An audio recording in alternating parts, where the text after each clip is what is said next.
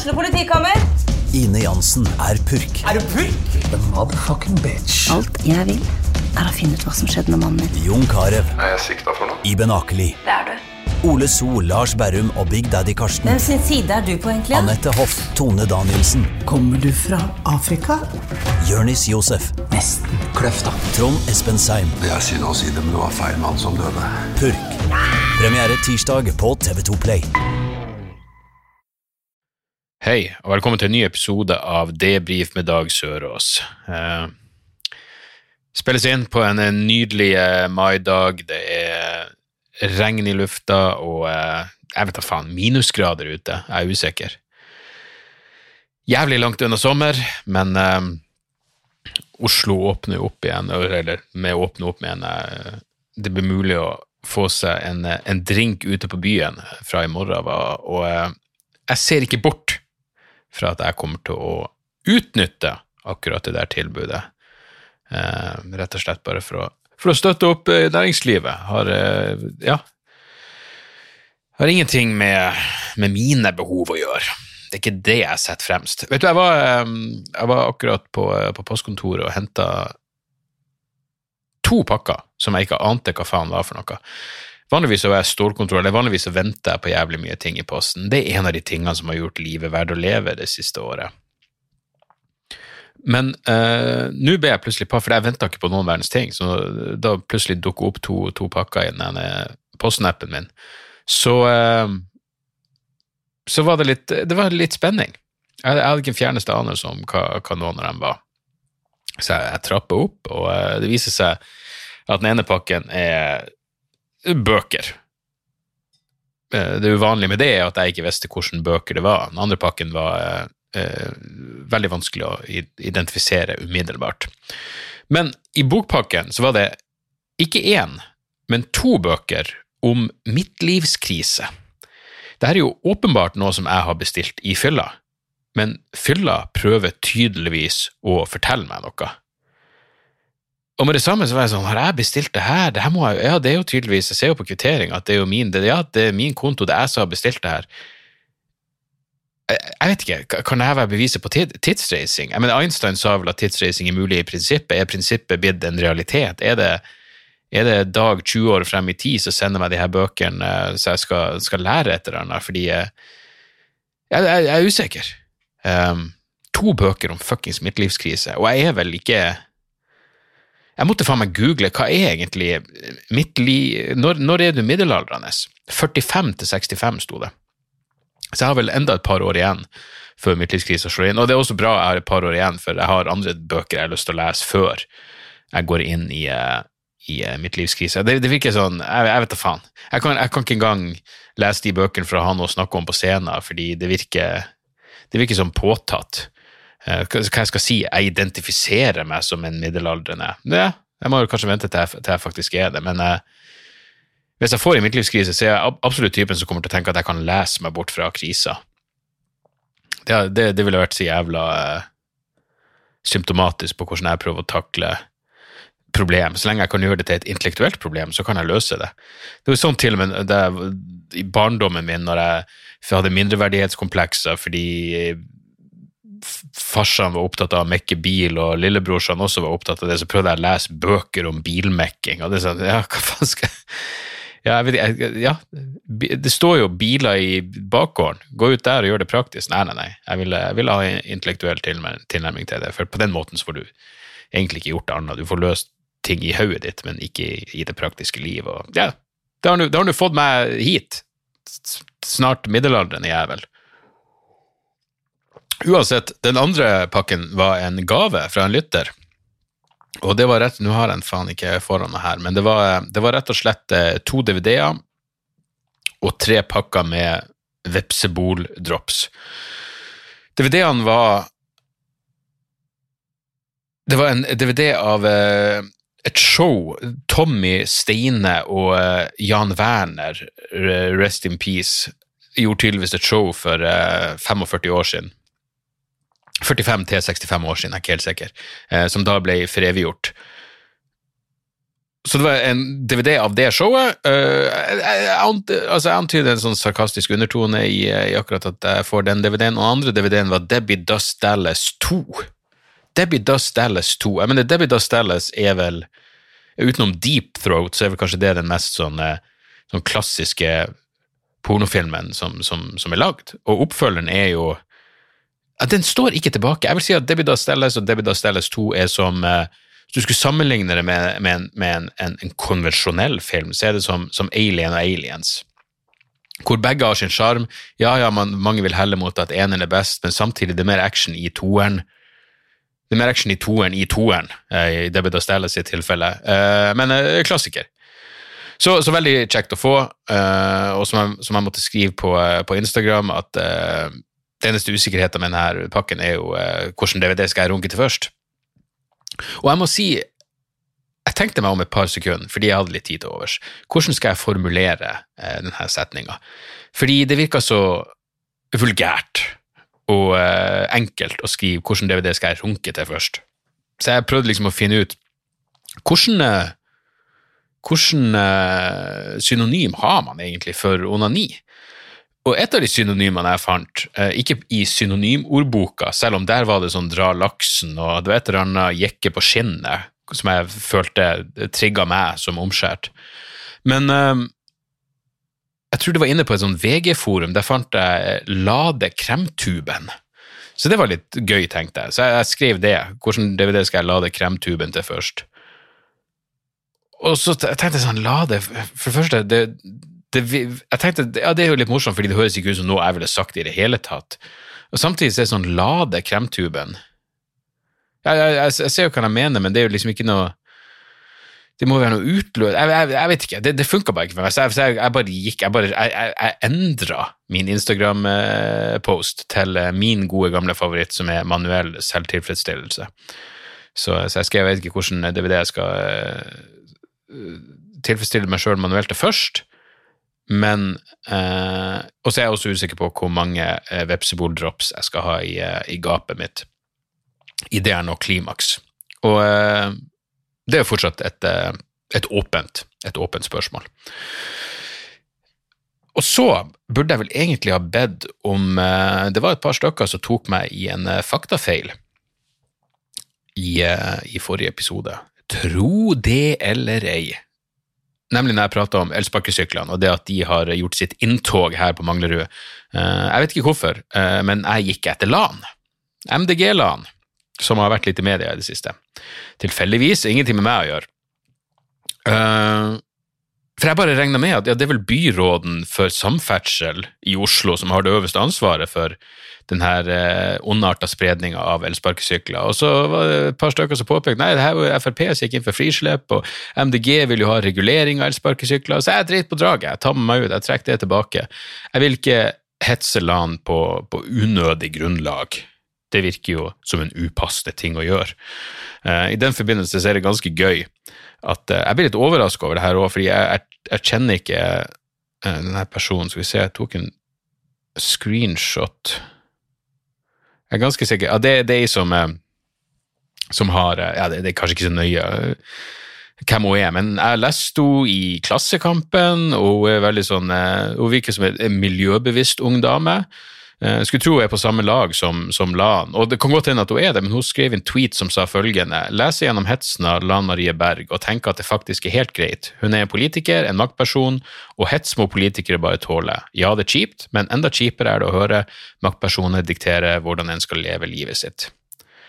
Nå kan du ikke si hva dere vil om akkurat den tweeten, men den kommer jo fra en, en meningsalliert av Lan i utgangspunktet.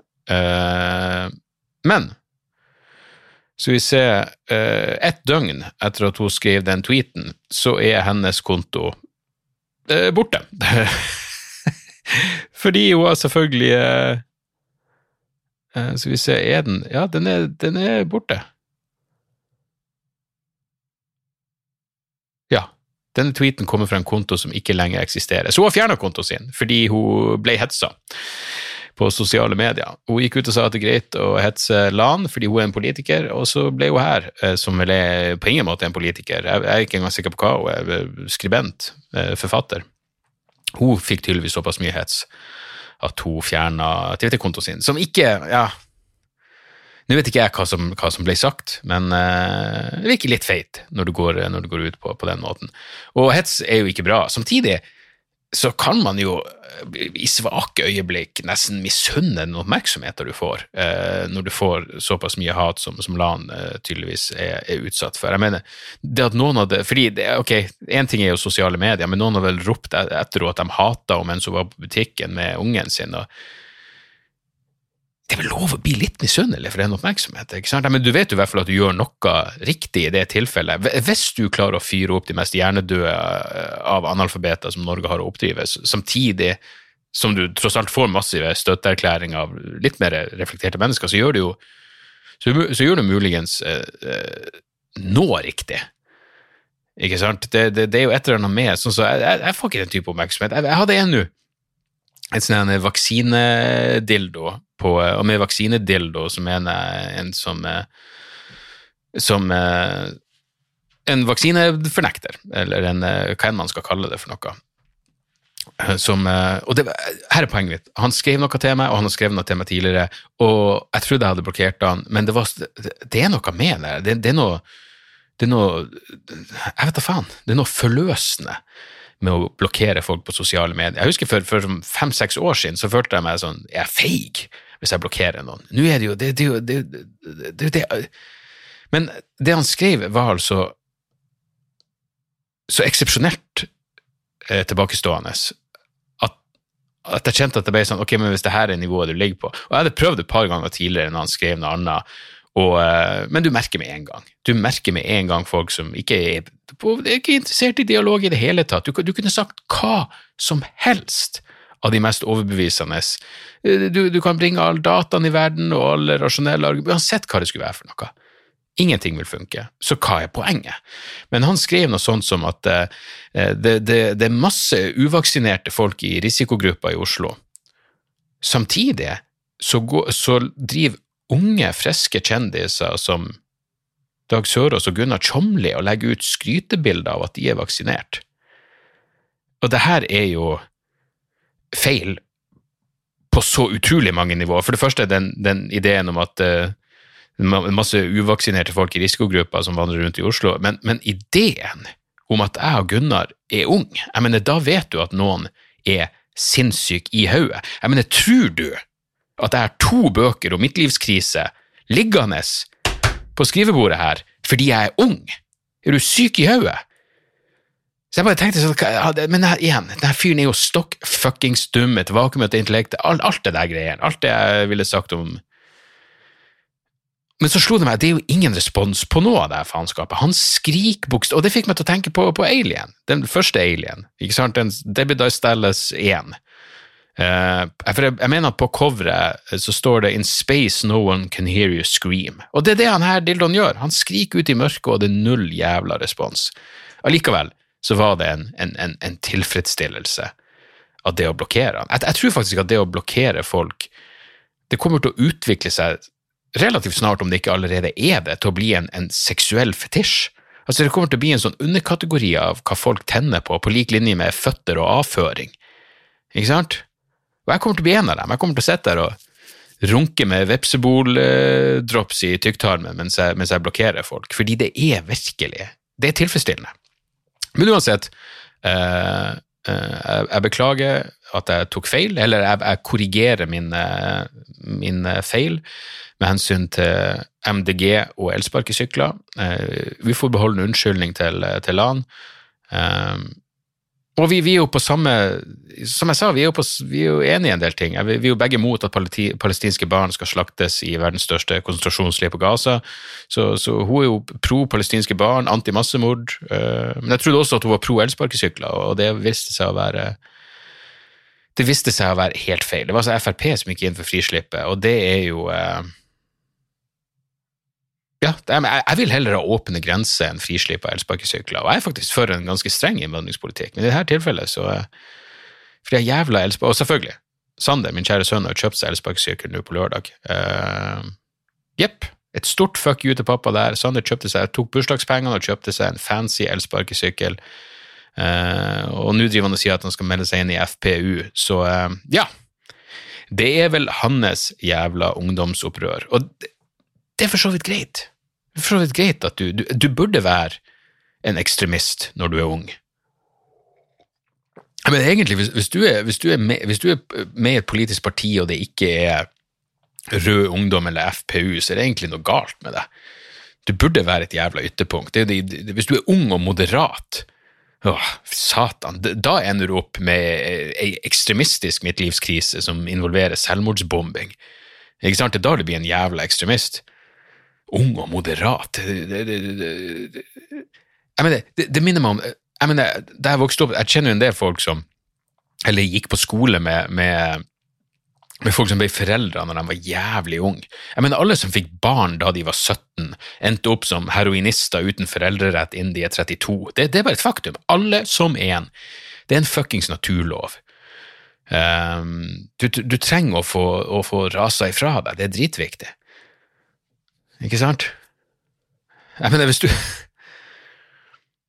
du, du, må leve litt mener, Hvis du sniffer cola på verdensdekkende TV etter å ha vunnet en eh, jævla audiovisuell pridefestival for blinde og hørselshemma, eller Eurovision, da er du faen meg da er du sikra ei grei midtlivskrise. Hvis du sniffer cola mens hele verden ser på, da, da, da, kommer alt til å gå greit når du blir 45. Null jævla stress. Og jeg, jeg, jeg er oppriktig forbløffa over hvor mye folk som, som bryr seg om Eurovision. Altså, folk jeg respekterer, eller respekterte. Ikke sant? Jeg, jeg klarer jeg, jeg, tror det er det at her, Mitt problem med Eurovision liksom, Ja, ja, det er nasjonalisme med ræva soundtrack, men, men jeg er jo en musikkelsker. Jeg liker jo god musikk. Det er derfor, og det her er flaut å innrømme, og uh, glem at jeg sa det, og jeg bare lyver. Men uh, ei venninne sendte meg jeg tror hun gjorde det her på pur faenskap. Fuck you, Tone, hvis det var på pur faenskap. Men hun bare sendte meg en link, så sjekk denne låten, ikke den ganske catchy? Og så sa jeg sånn, ja, det, er en fet låt. Og jeg, jeg, tok i litt hardt. Og det her er ikke rasjonalisering i ettertid, men jeg prøver å være høflig. Og jeg er sånn, ja, jeg og Tone har ikke utveksla så mye musikktips, så, så jeg, jeg, har ikke lyst til å si ja, relativt triviell poppunk, var det vel, men, men det var catchy. Absolutt catchy, og på et annet språk. Og så viser det seg at uh, så skrev hun å, det her er det italienske bidraget til Eurovision. Jeg bare må du faen meg fuckings gi deg. Ok, men jeg, jeg, må stå for det, da. Jeg syns den låten var helt ok. Og de har jo selvfølgelig vokst i mine øyne etterpå. Nå skal de liksom ta Italia kan bli diska pga. dop. Men det, det, for hva? De tok forholdsmessige grep for å komme seg gjennom kvelden. Det, det er jo dopingtesting på Eurovision. Hvordan kommer du deg gjennom Eurovision nykter? Det, det det, burde være like påkrevd med sentralstimulerende rusmiddel i blodet under Eurovision som det er påkrevd med fuckings oksygen i blodet for flypiloter. Det, det, det, er grunnleggende, ikke sant? Hvis vi skal lande det her faenskapet, så må vi være våken. Jeg lurer på om hvor mye måtte du Hvor mye dop måtte du tatt for å gjøre en Eurovision-låt skikkelig bra? For jeg mener, hvis du det, det er jo et velkjent faktum, visstnok, at uh, når du tripper på noe psykedelisk, så, så, blir bra musikk bedre. Det har jeg empirisk grunnlag for å si. Hvis du tripper, så blir bra musikk bedre, men blir ræva musikk hakket mindre dårlig også? Jeg har ikke tenkt å finne det ut, fordi når når jeg vandrer rundt i skauen på psilocybin, så jeg har jeg lyst til å høre Ready to Die av Aaron Lee Tasjan, fordi det er en av de mest fantastiske opplevelsene jeg hadde i mitt liv. og liksom Støykansellerende høretelefoner og psilocybin og Ready to Die på fullt fuckings volum ute i skauen på Os, det er jo fantastisk. Fantastisk. Og det er kanskje den type opplevelser som gjør at jeg forhåpentligvis får ei eh, greie midtlivskrise. Men jeg er jo ikke ung, men jeg er jo, jeg er jo, jeg ikke middelaldersk heller. Hæ? Jeg er et par år igjen. 45 til 65 er middelaldersk. Faen meg, ifølge denne Garmin-klokka mi, så har jeg en kondisjonsalder på 22 år nå. Ja, må jo faen meg vise legg på polet snart, og kommer til å vise en uoppfordra også. I tillegg så fikk jeg tatt meg en Og det her er et seriøst spørsmål i tilfelle noen av dere der ute har peiling. Og da mener jeg ordentlig peiling, altså helst jobbe med hørselsskader, ikke noe sånt. Jeg har hørt Eh, jeg følger en på Twitter som skrev Nei, men jeg har tatt to forskjellige hørselstester. Jeg mener at den ene var via Skal vi se, hva faen heter den?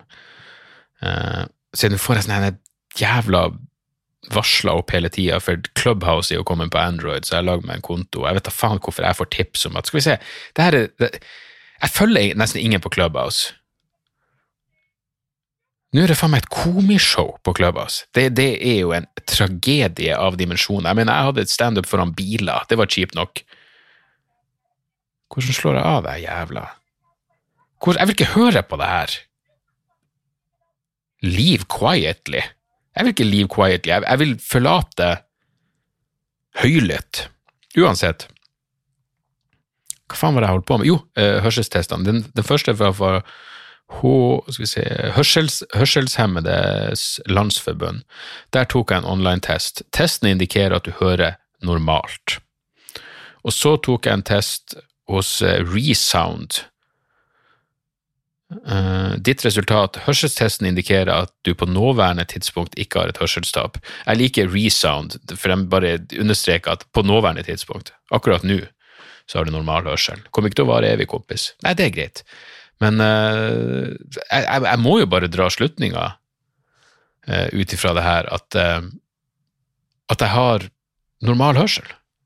Jeg, jeg må den triste konklusjonen er jo at jeg velger å overse det folk sier til meg. Jeg, men jeg trodde jeg hører dårlig.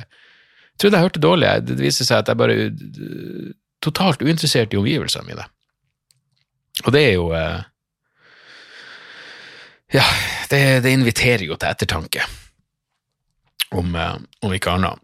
Jeg leste et eller annet i går, en, en jævlig bra artikkel om eh, Ja, den var, den var dyppløyende. faen det den heter? Eric Hole, Welcome to the vi se, jeg må bare finne For den, den, den skal anbefales. To the Baffler, skal vi se Nei. Nå skal du tro, når jeg skriver inn Eric Hole, welcome to the Og så Baffler, så kommer det It looks, there aren't like, it looks like there aren't many great matches for your search, jeg venter, jeg sendte den jo til noen også. Skal vi se her. Den heter så mye som Faen i helvete hvor vanskelig det skulle være å finne ting akkurat nå. Der. Den heter Enter the Super Sensorium, Eric Hole. H-O-E-L. Uansett, det var en jævlig bra artikkel som egentlig var ganske dyptpløyende. Den handla om den handler liksom om forskjellen på For det første at, at vi alle lever i en eh, kollektiv hallusinasjon, eller individuell hallusinasjon. Eh, den, den, den, handler om eh, hvorfor man drømmer, og den handler også om forskjellen på kunst og underholdning, og hvorfor nå, når vi er så det er sånn overflod av tilbud at det faktisk er viktig at vi er bevisst på hvordan vi velger å bruke tida vi har til overs til underholdning. At vi bruker den tida mest mulig på kunst og ikke på, bare på underholdning. Og det høres ut som en sånn douchey fuckings morgenblad-ting å si, men det er jo sant. Det er en forskjell på, på, eh, på kunst og underholdning. Og egentlig, egentlig, for å være helt ærlig, før jeg leste den artikkelen, så ville nok jeg vært sånn ja, men kunst og underholdning er jo, er jo det samme. og men så, så, så, hadde jeg to opplevelser. Jeg mener, det, det slo meg, Jeg satt og så Army of the Dead på Netflix, den nye zombiefilmen. Og Da tenkte jeg sånn, ok, det, det her er ren underholdning. Det her er, det her er tomme fuckings kalorier. Mens uh, jeg vet ikke, The Father med Anthony Hopkins er, er kunst. Ikke sant? Og, og som han Eric Hole skriver, kunst forandrer deg som menneske du, etter, etter, å ha vært Etter å ha opplevd en eller annen form for kunst som virkelig er kunst, så er du ikke den samme personen igjen etterpå. Det trenger ikke å være en dyppløyende forandring, men det gjør noe med deg. Og jeg, jeg, jeg tror virkelig uh, Jeg tror virkelig det er noe, noe i den distinksjonen der. Men i hvert fall i den artikkelen nevner han også en eller annen fyr fra Netflix Eh, om det var Netflix-sjefen eller hvem enn det var, som liksom bare sa at søvn er fienden. Altså søvn er hovedkonkurrenten til Netflix. Det er jo derfor liksom alt er kalibrert for å binge-watch, og du skal fortsette å se, og neste episode starter automatisk, og så videre, og så videre, og så videre. Og så faktisk virker det som om TV-en prøver å kjempe litt mot av og til, altså selve TV-en din, med å slå seg av etter seks-åtte timer, eller hva enn det er. Men jeg lurer på om det er bare en sånn brannsikkerhetsgreie. Jeg, jeg aner ikke. Men det fikk meg til å tenke sånn, faen meg, det er faen meg Søvn på et eller annet tidspunkt kommer til å bli en form for opprør. Eh, noe av det mest opprørske du kan gjøre, er å sove, egentlig og bare fuckings koble av. Så jeg begynte å tenke på det, og så begynte jeg også å tenke på den, den luksusen Altså, luksus er å ikke ha klokka på ringing, tror jeg, eh, på en hverdag. Det er faen meg Så når jeg sitter og tenker på at luksus er å ikke ha klokka på ringen på en hverdag, da, da er du faen meg midt i midtlivskrise, er du ikke det? Det er den eneste jævla Den eneste logiske konklusjonen. Og så privilegert fordi du ikke våkner opp. Du, du, du. Jeg våkner jo fuckings av klokka på ringing uansett, for fruen har jo klokka på ringing. Men, men, men, kanskje det er enda bedre. Kanskje det er bedre at hun har klokka på ringing, jeg, for da, da, får jeg i tillegg en sånn For man blir jo vant til ting. Jeg blir vant til å ikke ha klokka på ringing, men når du da din, din, din livspartner har klokka på ringing hver jævla morgen, så får du en sånn du, du får en påminnelse på hvor heldig du er sjøl som ikke har klokka på ringing. Samtidig får du en påminnelse på at eh, det er synd at hun ikke har det på samme måte.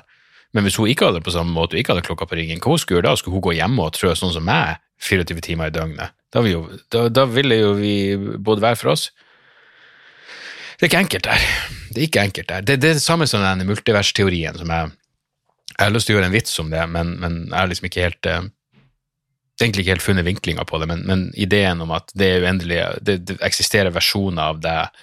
Av alle valg du kan ta, så er det en, en, en, en alternativ versjon av deg i et alternativt univers, et parallelt univers, som tok det valget. Som betyr at alt som kan skje med deg, skjer med deg i et parallelt univers. Og jeg har bestandig tenkt at det er den sykeste Den mest eh, forstyrrende tanken jeg kan forestille meg, fordi det betyr jo at alle du er glad i, har det så jævlig som overhodet menneskelig mulig i et parallelt univers. Uff. Det er fucked up, er ikke det? Nei, jeg gidder ikke å tenke mer på det. Orsker ikke. Orsker ikke det. La oss finne det hyggelig. Jeg hadde én ting om eh, Ja, du, men eh, mens vi er inne på rare teorier eh, eh, Covid-19, eller SARS-CoV-2 ganske interessant nå å se eh, det at for jeg, mener, jeg, vet ikke om dere husker det her, men, men Trump, når han begynte å prate om eh, Når han først begynte å prate om eh, China virus, og at det, at det var lagd i et laboratorie, så ble han spurt i en pressekonferanse har du sett noe bevis som tyder på at Jeg husker ikke nøyaktig hvordan spørsmålet var stilt, men det var essensielt. Har du sett noe bevis for at for at eh, viruset oppsto i et laboratorium. Og da sa han ja, det har jeg, og så sa han ikke mer. Og så tenkte vi alle ha-ha, for en syk faen. Og så kom det jo nå en eh, en eh, eh, et, et, hva det heter, et factsheet fra The State Department som, som er fra de siste dagene av Trump-administrasjonen, som jeg tror han hadde sett på, som viser at er tre stykker som jobber på det der eh, Hva faen heter det? Institute of Virology. Wuhan Institute of Virology ble sjuk Det kunne ha vært influensa. Kunne også vært covid-lignende symptom i november 2019, altså før, eh, eh, før viruset begynte å spre seg. Eh, interessant. Eh, interessant hvordan det har, eh, har Eller nå er i ferd med å, å forandre seg. Og til og med han Fauci gikk jo uh, nå ut og sa at uh, han ikke var overbevist om at, uh, at, viruset hadde et naturlig opphav. Men det er jo verdt å tenke tilbake et års tid, når, når Eller i fjor høst, trenger ikke gå lenger tilbake enn i fjor høst, når, når det å, å, en gang si at, at det muligens lekte ut fra et laboratorium at, at, det var en konspirasjonsteori. Folk fikk jo suspendert Twitter-kontoene sine. Eh, blant annet Li Meng-Yan, en uh, virolog ved universitetet i Hongkong. Hun, hun fikk et uh, Twitter-kontoen sin suspendert. Nå gikk hun selvfølgelig uh, uh, Nei, hun gikk ikke så langt. Hun sa rett og slett bare at, eh, at, eh, at det var et menneskeskapt virus som var lagd i et laboratorie. Ingen, og hør her, det, det, det, Man må skille det her mellom Uh, jeg tror ikke det er noe biovåpen som blir sluppet fri med vilje, eller noen ting. Jeg har ikke den fjerneste fuckings anelse om hva som har skjedd. Men det er veldig interessant å se at i løpet av kort tid så går noe fra å være uh, en konspirasjonsteori på linje med uh, 9-11 inside job og jorda er flat, til å bli noe som, som selv respekterte vitenskapsfolk underholder, i hvert fall. Uh, og det har liksom gått fra at uh, både The Lancet og Nature hadde vel uh, hadde vel de, de, strongly condemns the conspiracy theory suggesting that COVID-19 does not have a natural origin. Og Nature hadde også et, et brev. Our, our, analysis clearly show that SARS-CoV-2 is not a laboratory construct. Og så kan du spole frem. Det er et års tid siden, så kan du spole frem til nå. Og så har Ton fått Ja, tonen har, eh, har snudd litt. Um, og det er jo interessant. Jeg vet, ikke, jeg, vet ikke, jeg vet, ikke, om det er noe mer enn interessant. Jeg mener, Hva skal man egentlig gjøre hvis det viser seg at det har lekt ut av laboratoriet? Hva Karna skal vi gjøre enn å bare bli fuckings livredd? Ikke sant? Det er jo uh, Ja, det, det er jo en, den eneste logiske konklusjonen er jo at uh, uansett om det lekte ut et laboratorium eller ikke, så, så må det være enda større fokus på, på fuckings sikkerhet. Eh, men hvem vet? Det jeg derimot vet med 100 sikkerhet nå, er at monsterdropsen jeg har prata om i flere episoder, har en lakserende effekt. For nå har jeg fått delt det ut til eh, venner og bekjente og fremmede, og eh, jeg kan rett og slett bekrefte, her og nå uh, Venter på peer review i The Lancet, men de avføringsinduserende bivirkningene til de her dropsene er bekrefta av villige og ufrivillige offer. Så der. Så, helt på slutten så hadde jeg en mail jeg hadde faktisk lyst til å bare ta tak i, for det var en kar som skrev til meg Hei, lurer på hva du tenker om det Sam Harris sier her om Israel-Palestina-konflikten. Det hadde vært interessant om du tok opp dette i podkasten. Verdt å merke at dette klippet er noen år gammelt, tar ca. 15 minutter. Det er i hvert fall eh, lydversjon av en artikkel som jeg leste da den kom ut, som heter Why Don't I Criticize Israel? Eh, den har jeg prata om, er jeg ganske sikker på, i en Patrion-episode. Men i stedet for å prate om noe Sam Harris sa om Israel for eh, syv år siden, så kan, vi jo, så kan det være mer interessant å ta opp det Sam Harris sa om eh, Israel-Palestina-konflikter bare for noen dager siden. Da slapp han nemlig en ny podkastepisode med Jesse Single, som egentlig tror jeg var der for å promotere ei, eh, ei bok, men eh, de endte opp med å prate om alt annet enn boka, blant annet eh, det som har foregått på Gaza. Og det er ganske interessant, fordi nå skjønner jo jeg at eh, jeg har jo hele tida sagt at det er masse ting jeg er uenig med Sam Harris i, men nå skjønner jeg Du ser så igjennom hans, hans greie med å snakke veldig sakte, eh, relativt monotont, ekstremt behagelig stemme, og ikke minst ekstremt velartikulert. Eh, det skinner så jævlig igjennom hvor tomt det egentlig er, når han ikke vet hva han prater om. For i det intervjuet så er han sånn, han, han kjører på med det samme jævla Alan Dershowitz-lånte eh, pseudopoengene om at Israel holdes til en høyere standard enn alle andre land på planeten, inkludert USA, og alt det han sier om Hamas, det gjelder egentlig for Israel. Eh, fanatisk, opptatt av å utslette fienden. Eh, jeg mener, han, han har altså eh, Han sier at eh, han sier at Israel er omringet av genocidal maniacs. Ok, jeg mener, hvordan av de her landene dere egentlig du tror vil utslette Israel umiddelbart hvis de fikk Egypt? Jordan? Nei, de er jo alliert. Saudi-Arabia er jo nært alliert med Israels nærmeste allierte, USA. Syria er åpenbart ikke en trussel.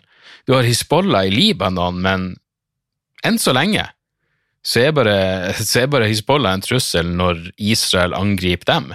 Eh, det kan for øvrig forandre seg. Jeg mener, jeg leste, jeg leste noen artikler som spekulerte i at Israel er ganske forberedt på at neste krig kan bli på hjemmebane. Men, men ikke sant, Sam Harris hele sin, sin idé om det, det er en war of ideas. Det er en war of ideas, og det at Israel har en religiøst fanatisk fiende eh, som egentlig ikke går an å skille fra IS, i seg sjøl en ganske eh, sinnssyk uttalelse. Um, jeg mener, eh, si hva du vil om Hamas, og igjen, jeg er ingen fan. Det er ikke en, en apokalyptisk eh, selvmordssekt. Det er tross alt en, en, både en terrororganisasjon, men også en politisk organisasjon. Um, men det er liksom den ideen om at Israel har så høye, noble ideer. Og igjen, han, han, han klarer ikke å Sånn som Sam Harris, han, han kritiserer nybyggerne, men ikke okkupasjon. Han forsvarer okkupasjon. Han sier at det Israel gjør, er det eneste de kan gjøre. Som om ideen om fredelig koeksistens med sine naboer rett og slett er helt utenkelig. Og han sier bare det a priori. Det er, bare, det, det er liksom bare en, en, en selvfølge for han. At Israel må være genocidal maniacs fordi alle deres naboer er genocidal maniacs, ikke sant? Og han likestiller virkelig. Når han sier det sånn, så sier han rett ut at palestinerne er IS, og de vil utrydde jødene. Så sånn er det bare. Og så er det jo en del ting som bare er så latterlig at jeg mener, han sier på et tidspunkt Israel forlot Gaza, og da starta krigen. Jeg mener, som om ikke Gaza er under Han vet jo at det er ei fuckings konsentrasjonsleir. Han vet jo at Amnesty kaller det verdens største open air prison. Så den ideen om at Israel trakk seg ut av Gaza, da ble det jo bare bråk. Som om folk som er født på Gaza, er fri til å en gang forlate. Som om de er fri til å en gang, som jeg sa i forrige episode, fuckings fiske. Så han, han, sier ting uten å si noen verdens ting, fordi Sam Harris har ingen historisk kunnskap. Han kan prate så mye han vil i abstraksjoner, og det er en krig om ideer. Ja, men hva er det egentlig du sier? Si det nå rett ut. Hvis du sier at Israel, som Netanyahu sier, hvert tredje-fjerde år bare er nødt til å gjøre det her, og det er jo det de har gjort, han har holdt ordet der. Hvis de hvert tredje-fjerde år er nødt til å klippe plener, sette palestinerne på en diett og klippe plener og drepe noen jævla fuckings folk. Hva er det egentlig du sier, da? Du sier at det er greit. Du sier at denne konsentrasjonsleira er grei, fordi alle Israel sine, sine naboer har lyst til å myrde jødene den første sjansen de får. Og så sier han til og med at vi vet at Israel ikke har lyst til å myrde alle palestinerne, for de ville bare gjort det hvis de hadde lyst. Jeg mener, Se for deg å være Jeg mener, hva er det Sam Harris sier? Sier han virkelig at Israel klarer seg uten allierte? Sier han virkelig at, at uh, Jeg mener, hvis USA sa til Israel at de bare kunne drepe alle palestinerne, og Israel visste at uh, at det ikke ville føre til en form for diplomatisk uh, selvmord med resten av verden. Ja, hvem vet? Hvem vet? Men han, har, han, han opererer bare han, han, uttaler seg bare i abstraksjoner, og så sier han horrible ting uten å egentlig si det. Ikke sant? Det er sånn Hva Israel skal gjøre? Alle palestinere har lyst til, å, lyst til å begå folkemord på jødene. Og hvis de får en mulighet til det, så blir de å gjøre det. Så hva er alternativet da? Undertrykk alle araberne i nærområdet. Drep dem, eller undertrykk dem. Men hold dem fuckings unna jødene. Og det er det eneste som Og jødene har bare lyst til å leve i fred. De har bare lyst til å leve i fred. Det at de tar og stjeler de landarealene som har noen form for verdi, og så kommer de til å la palestinerne som er de som måtte overleve, la dem råtne på rot. Og la dem kalle den fuckings jordklumpen de er igjen på. Kall den Palestina, hvis du vil. Men som om Israel ikke har en kynisk strategi her som om alt de gjør er bare å være i kontinuerlig selvforsvar. Jeg mener, det er altså fjas av den høyeste jævla orden. Yo. Hallais. Slutt av kvelden. Prate om Sam Harris og Israel. Har du noe synspunkt? Hallo? Sam Harris eh, forsvarer Israel.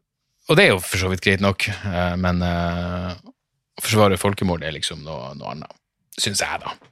Men igjen, jeg er ingen vitenskapsmann, jeg er ingen filosof. Eh, du tar, jeg kommer snart ned og sier god natt. Right? Der har du mattelekser, forresten. Når, når skal vi gjøre en podkast i lag, forresten? Vet ikke. Vi kunne jo tatt en prat en gang om eh, Vet faen. Når da? Nei, når enn du vil. Skal du ta det med deg ned? Skal ikke ha det nå. Nei. Nei, men jeg kommer snart. Jeg kommer om fem minutter. Jeg skal bare hive ut noen gode tips til lytterne, og så eh, Hva da? Om eh, ei bok og et par filmer og ei plate. Hva slags bok? Carl Hart. Og så uh, Kid Detective kunne vi egentlig sett i lag. Den var jævlig fet. Det er en film? Jepp. Jepp. Nei, men jeg kommer snart. Yes. Nei, eh, så uansett uh, det, har, det, det er vel det. Og igjen, Sam Harris veldig opptatt av uh, av, av fri presse. Veldig opptatt av ytringsfrihet. Veldig opptatt av fri informasjonsflyt. Allikevel, jeg, jeg tror ikke jeg hørte han si et fuckings ord. Fordi han sier også, når Israel han, her, er- her var en av forskjellene. Her er en av distinksjonene hans mellom, mellom Israel og, og Hamas. Hamas angriper sivile med overlegg. Det gjør ikke Israel. Jeg mener, kjære Sam Harris, ta en titt på noen av de Betzelem-rapportene som har kommet ut i, etter de rituelle slaktene på Gaza de siste 15 årene. Ta en titt, og så kan du komme tilbake og si at eh, fordi det må være fint å bare operere i en sånn verden hvor du, du, bare sier sånne ting. Israel ville aldri gjort det, og så gjør han ingen forsøk på, på å finne ut om hei, stemmer det, hva, hva sier menneskerettighetsorganisasjonen egentlig om israelske angrep på sivile? Ehm, så ja, det, det, det er spesielt. Men her var greia. Så opptatt som han er av fri presse og ytringsfrihet. Jeg har ikke hørt han si et fuckings ord om at uh, journalister i Gaza har uh, blitt blokka fra WhatsApp. Um, nope, ingen av dem. Det står uh, her fra Associated Press, som tilfeldigvis også da ble bomba av Israel. Men ikke sant, det må man jo gjøre. Når, når fiendene dine er genocidal maniacs, så er det klart at du må bombe hjelpeorganisasjoner, sykehus og, og vestlige presseorganisasjoner. Det er veldig viktig. Men det her er fra AP. Uh, The Associated Press reached out to 17 journalists in Gaza who confirmed their WhatsApp accounts had been blocked since Friday. By midday Monday, only four journalists working for Al Jazeera confirmed their accounts had been restored. Det her er fra i går. Og da skulle man tenke, Hamas har jo en WhatsApp. Er de blitt blokkert? Nei. Hamas sin WhatsApp er ikke blitt blokkert, så det må jo være et eller annet annet som foregår. Nemlig at det det er mest sannsynlig Facebook som, eh, som står bak der. Så har noen algoritmer som er ute og kjører. Men igjen, det er en type Harris kanskje burde tatt tak i, men eh, nei, verken han eller uh, fuckings Ben Shapiro blir vel å rope høyt om denne formen for cancel culture. Uh, så, så sånn er det. Sånn er det. Uh, ja, så jeg, jeg vet da faen. Det, det, det, er vi det er der vi er. Det er faen meg der vi er. Jeg skal komme med et par, eh, par tips på slutten her. Eh, jeg må tipse om den eh, Carl Hart-boka, 'Drug Use for Grownups'. Fantastisk. Jeg mener, det her er jo det her, ja, det her er jo boka som ville fått Trygve Slagsvold Vedum sin lille syke til å implodere. Det er liksom det er empiri og logikk og rasjonalitet og menneskelighet, alle de her tilhengene som Traktor Tomsingsen, eh, Traktor Tomsingen forakter. Eh, det er med andre ord ei, ei elitistisk bok.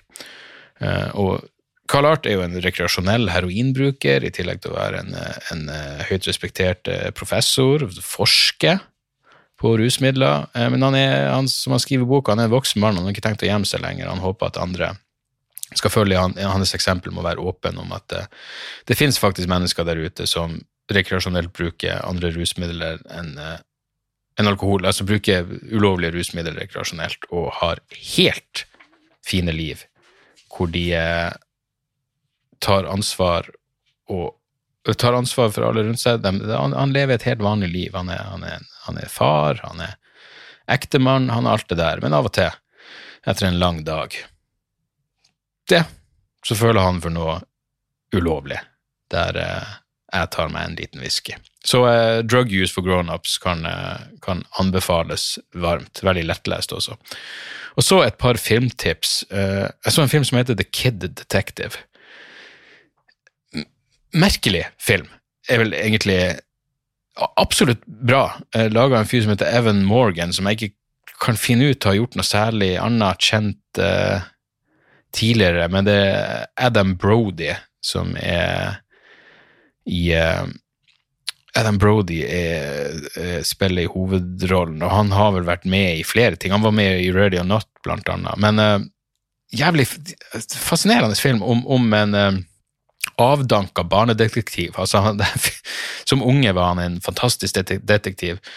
Og så skulle han selvfølgelig eh, fortsette å være etterforsker, eh, en sånn private investigator i sin voksne alder, men det har liksom ikke gått helt, og nå er han bare en avdanka dranker av en wannabe-detektiv, og så får han en stor sak, og så Ja, den, den er snodig. Søt og snodig, og, um, og absolutt verdt å se. Og den er liksom, når du starter filmen, så tenker du sånn «Ah, jeg tror jeg ser hva det her er, og så blir det plutselig noe helt annet.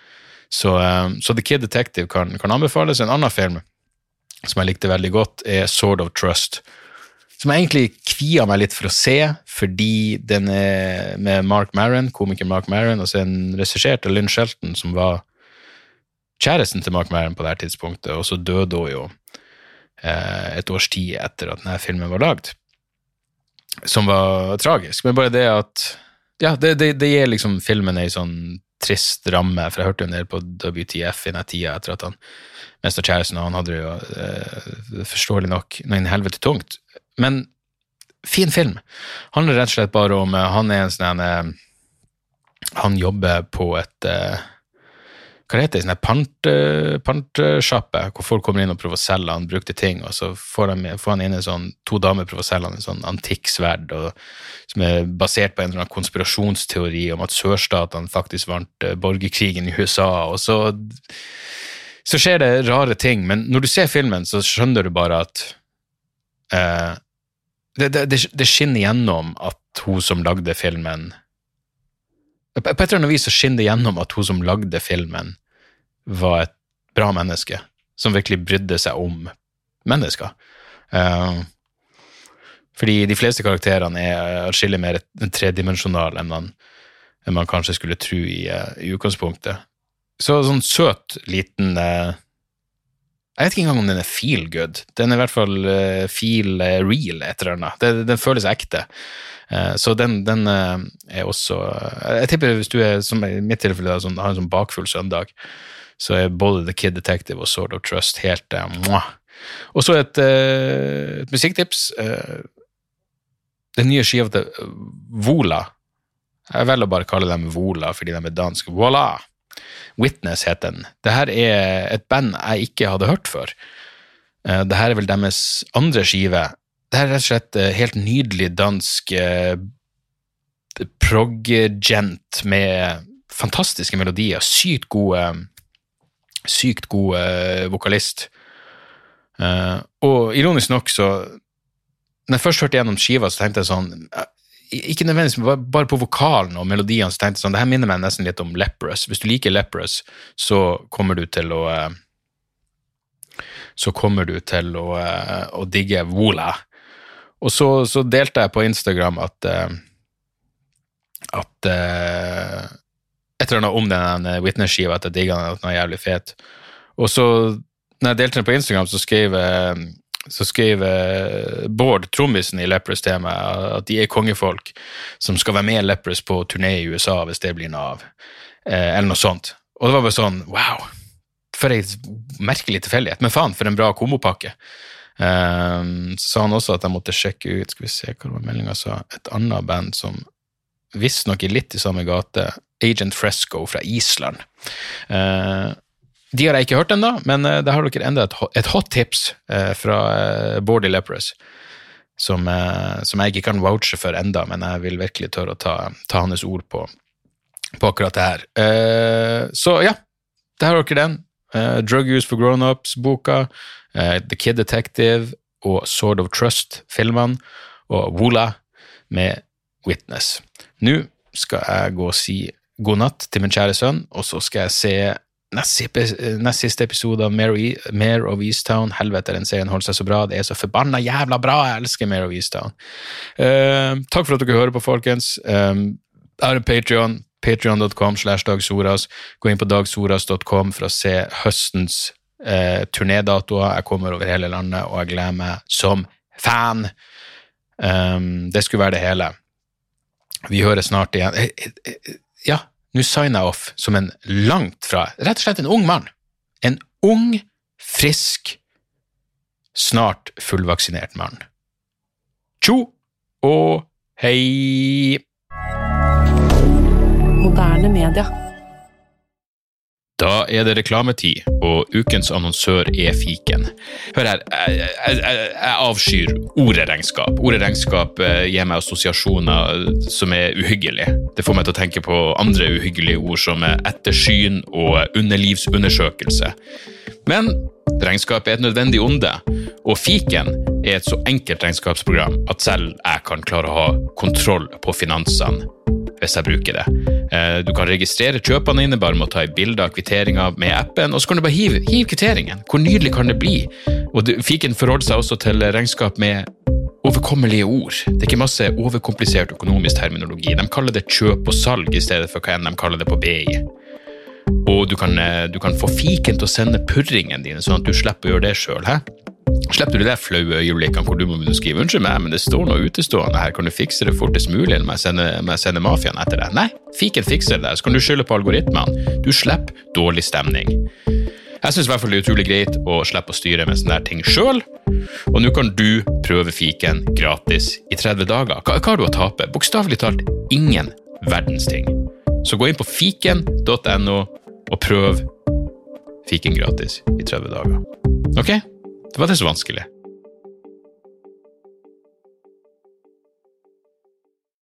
Har du et enkeltpersonforetak eller en liten bedrift? Da er du sikkert lei av å høre meg snakke om hvor enkelt det er med kvitteringer og bilag i fiken, så vi eh, gir oss her, vi. Fordi vi liker enkelt. Fiken superenkelt regnskap.